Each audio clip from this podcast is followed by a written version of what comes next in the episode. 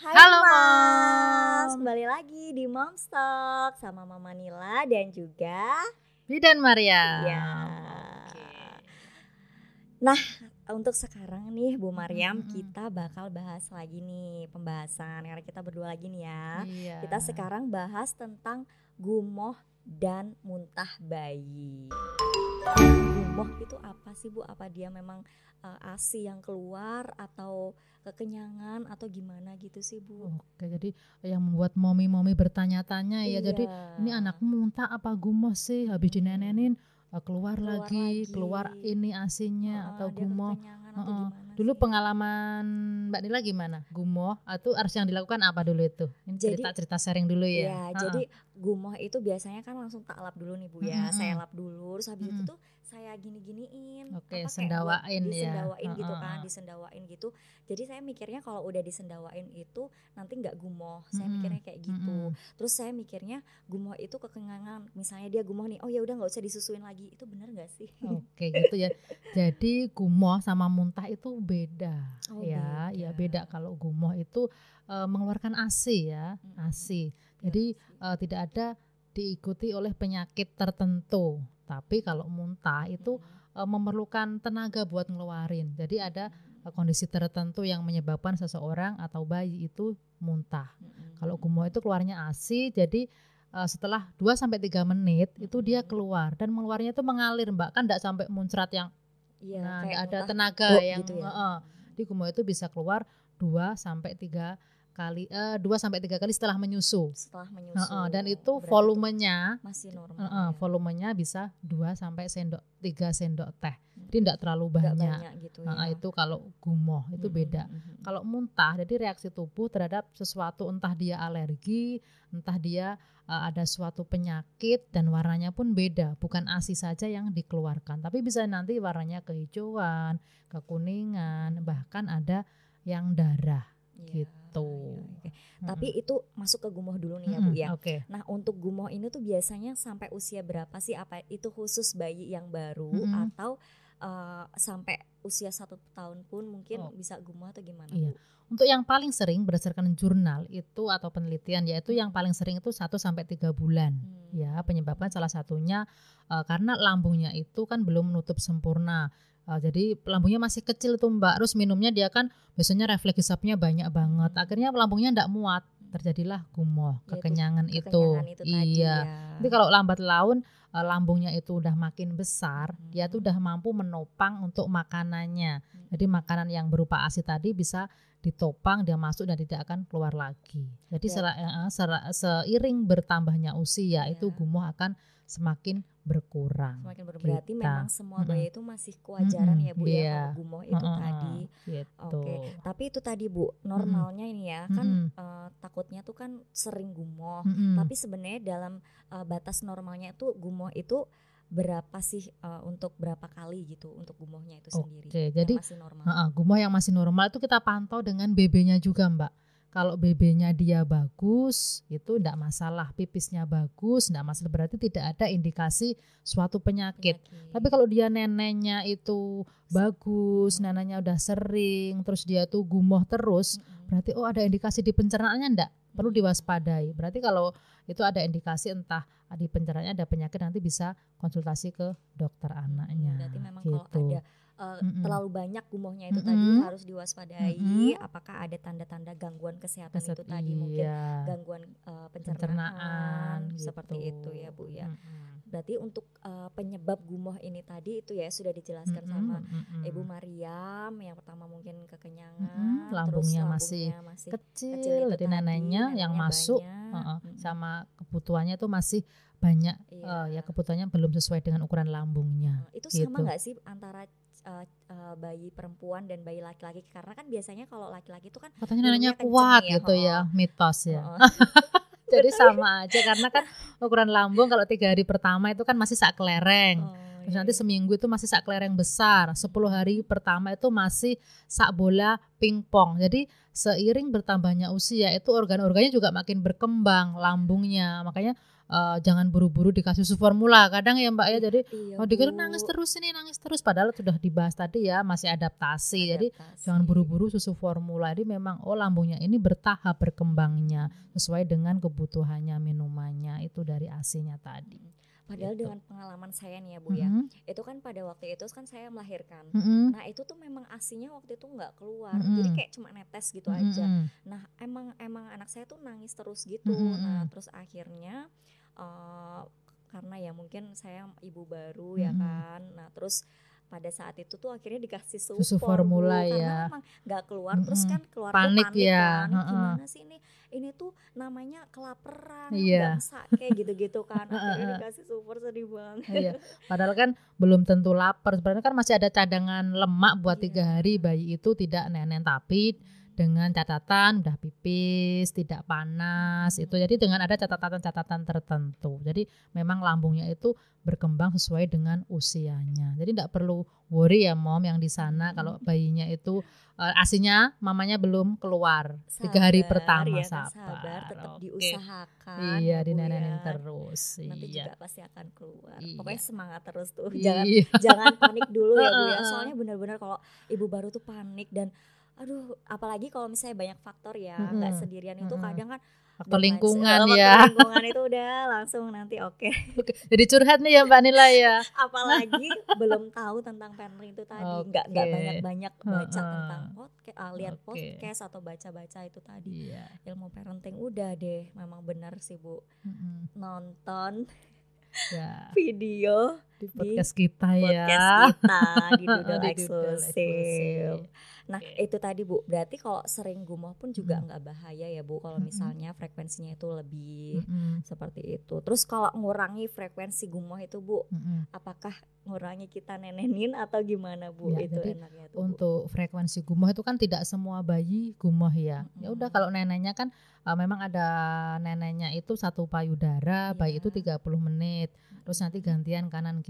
Udah sudah nanti ada yang bayi itu nenen terus ya. Nenen terus dia dalam fase-fase growth spurt ya biasanya yang terjadi enam minggu, dua minggu neneknya itu berlebihan. Akhirnya lambungnya itu tidak tidak mampu untuk menampung ASI. Dapat gumoh jadi sebenarnya idealnya kalau sudah nenek udah 30 menit sudah cukup saja dan dipantau pipisnya. Terus jangan lupa disendawakan setelah nenen. Jadi biar untuk mengurangi mengurangi gumoh, gumoh itu tadi ya. lagi, Berarti iya. fix untuk uh, Mm-mm. menyenda- menyedawakan Mm-mm. bayi itu supaya mengurangi gumoh. Mm-mm. Gitu. Selain selain menyedawakan itu mungkin ada lagi bu kayak ada atau oh iya ada pijat nanti di area perut ya biar perutnya tuh nyaman Oke, gitu. Oke, siap siap bu. Jadi memang ada kalau cara khususnya bu untuk menyedawakan bayi itu Oke. cukup digini-giniin Ah, aja. Ada nih eh, Atau- jadi ada dua gerakan ya. Yang pertama Mm-mm. nanti bisa diberdirikan, ini ditolehkan sini ya, ini dipegangin terus nanti ditepuk-tepuk. Kadang ada bayi yang sampai we ya sampai Oh, eh gelegean ya. Iya. Nah, ini habis ini meminimalkan untuk gumoh. Terus boleh juga ditengkurapkan ya. Dielus-elus atau tetap Ditepuk, ditepuk, ditepuk, Oh, ditepuk. Nanti ditengkurapkan, di Mm-mm. pangku kita boleh. Jangan lupa Mm-mm. eh, ini di menghadap ke samping Di- ya. biar bisa Heeh, nafas, biar gitu nafasnya ya. nanti Mm. tidak kejepit terus nanti di area sini ditepuk ya. ditepuk juga. Nah, perlahan-lahan kurang lebih 1 sampai 2 menit mbak Mm-mm. jadi biar nanti eh gelegean Gelegean itu Nah, tadi. sudah. habis itu udah nenek lagi tidur lagi Tidur lagi. Nah, berarti itu tadi ya cara-caranya khusus Mm-mm. itu. Nah, itu tadi kan soal gumoh ya Bu ya. Mm-mm. Tapi pada saat nepuk-nepuk itu kan eh, takut gak sih kalau pas muntah gitu kan takutnya pas ditepuk-tepuk terus Mm-mm. ternyata dia keluarnya banyak itu tuh sama nggak sama muntah sama gumoh itu tadi seperti yang Oh, dijelaskan di awal tadi ya beda sama beda Ibu jadi Mariam. eh, terus setelah nenen biasanya jangan langsung ditidurin jadi Mm-mm. agak eh, tipsnya lagi agak diberdiriin gini jadi kan eh, kadang ngelakuin nenenin nenenin kan langsung tiduran langsung ditidurkan itu jangan langsung ditidurkan ya paling enggak 30 menit itu biar tidak langsung ditidurkan itu biar tidak eh, gumohnya tadi jadi kalau muntah yang tadi yang dipertanyakan yang gumohnya sama muntah kalau udah ditidurin ternyata dia gumoh. Gumoh. Nah, kalau gumoh kan normalnya 2 sampai 3 menit. Kalau udah terjadi lebih dari itu kita waspada dia muntah. Nanti kita eks evaluasi lagi Iya. apa itu yang keluar isinya Keluar apa, apa. gitu. Mungkin kalau misalnya gumoh Mm-mm. itu kan tadi yang disampaikan sama Bu Mm-mm. Mariam dia ASI ya. Mm, mm, Nah, mm. cuma kalau muntah itu mungkin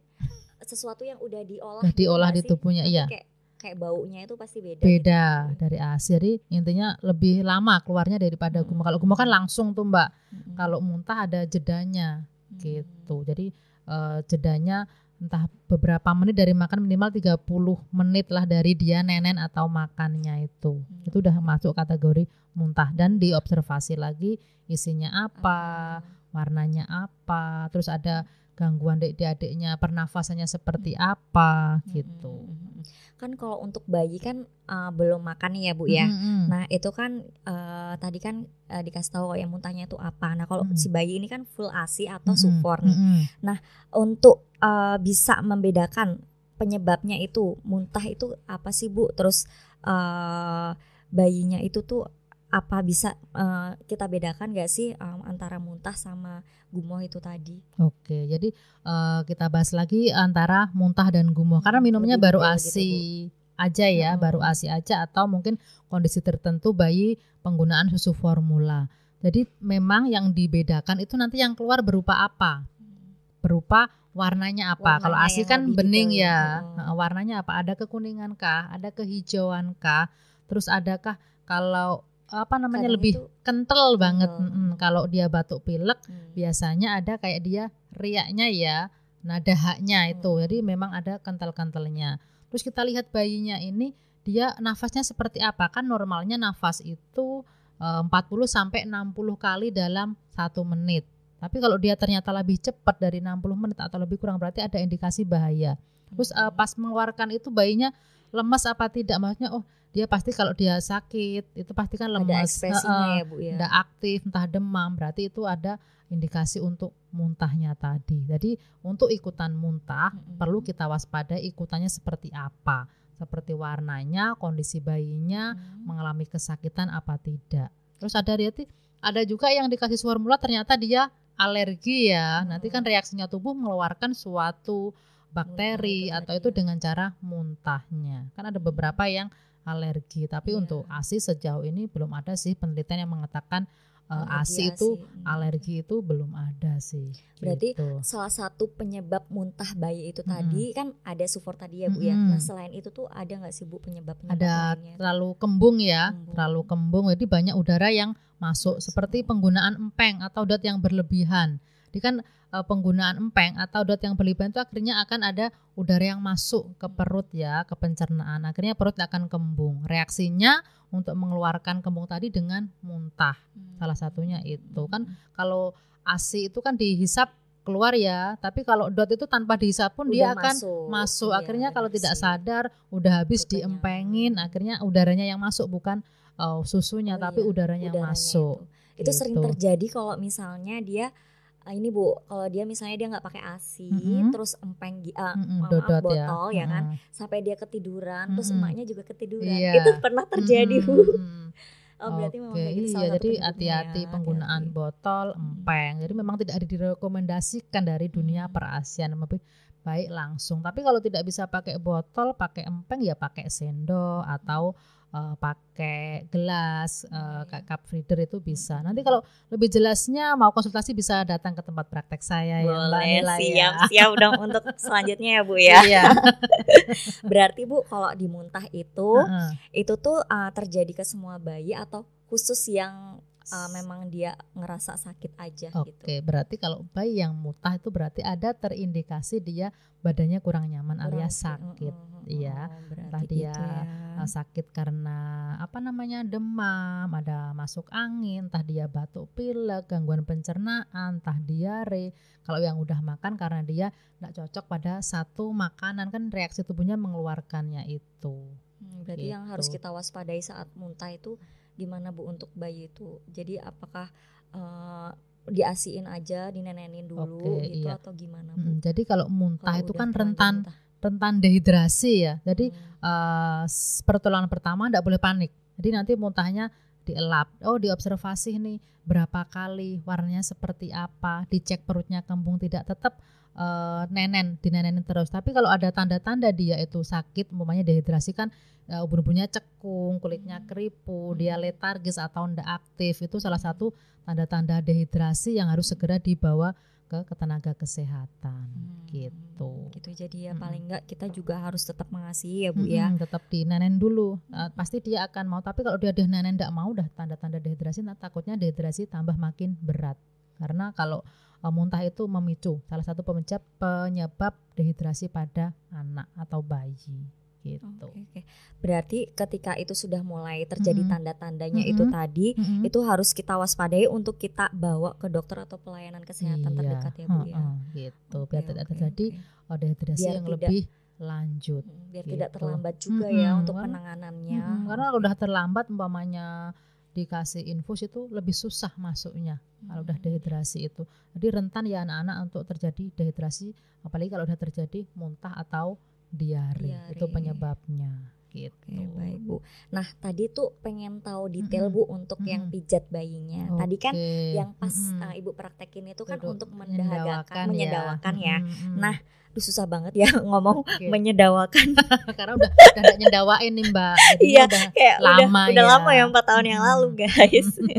nah pengen tahu bu nah kalau ini tuh pengen tahu caranya tuh untuk pijat bayi yang sering gumoh atau muntah itu okay. di area mana uh-huh. yang dipijat atau harus seperti apa gitu oke okay. nanti jadi uh, kita ajarin tutorial ya mau di rumah yang pijat singkat yang bisa dilakukan di rumah hmm. nanti Mbak Nila bisa dipraktekin juga. Boleh, okay. boleh, boleh. Jadi Bu. nanti uh, tetap kita cuci tangan dulu, hmm. jangan lupa pakai minyak penghangat, tentunya dari Doodle, Doodle dong, ya.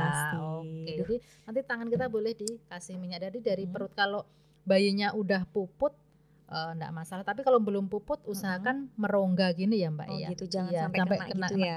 Kalau udah uh, udah puput ya sudah dari atas nih dari perut mm -hmm. sini kan area perut sampai sini kurang lebih delapan kali nah delapan kali nggak masalah ya bu kalau perut masalah. itu dipijat ya nggak masalah so, soalnya tuh saya takut tuh ya, takut parno. bu jadi sampai sekarang pun ya bu ya sampai sekarang pun ya? belum pernah pijat sendiri perut okay. karena ya pengalaman anak nah, saya itu bu nah ini delapan kali mm -hmm. terus nanti boleh lagi dari atas tadi kan sampai di atas simpisis ini. Nanti boleh lagi sampai ke bawah. Kakinya lembut paha dan saja. kaki, ya. uh, lembut saja 8 kali. Terus yang kedua ini dari pusar, ya, pusar. ya mendorong kotoran ya dari ileosekal hmm. nah ke sini hmm, kanan kiri. Oke jadi biar perutnya nyaman. Nah terus ada bulan matahari. Nah bulan setengah dari lingkaran kiri ke kanan gitu oke ya. ya. Terus matahari lingkaran penuh ganti lagi. Kecil dulu ya setengah dulu. besar. karena ini mendorong kotoran dari kolon ascendant ke descendennya. Nah terus ini yang paling disukain mami-mami yeah. I love you ya. I love, you terbalik. Yeah. jadi dari I huruf I mm-hmm. terus love L terbalik. Set ganti you. Nah jadi dari huruf I saya ulangi lagi. Iya, dari kiri ya. Hmm, terus love, hmm. L terbalik. Makanya disebut I love you I ya. Love you. Terus I you. L dan uh -uh. Terus you. jangan lupa kita keluarkan rongga uh, udaranya. udaranya. Nah, ditepuk-tepuk.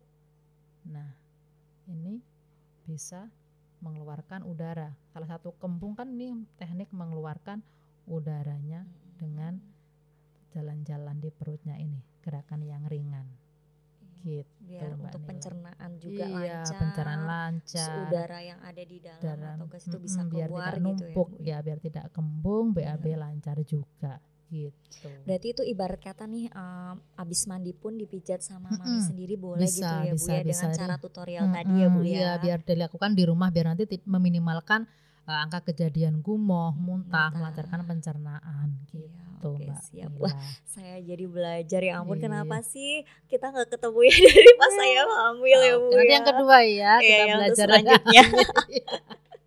Terima kasih banyak loh Bu Mariam. Okay. Jadi saya di sini juga banyak banget belajarnya, hmm. ngobrol banyak sama Bu Mariam di sini. Dan mudah-mudahan juga moms di rumah ya, di mana pun berada juga belajar dari sini. Karena podcast ini, Moms Talk ini sangat-sangat bermanfaat benar-benar untuk kita aplikasikan sebagai moms baru Iya. ataupun moms untuk yang Mm-mm. selanjutnya gitu.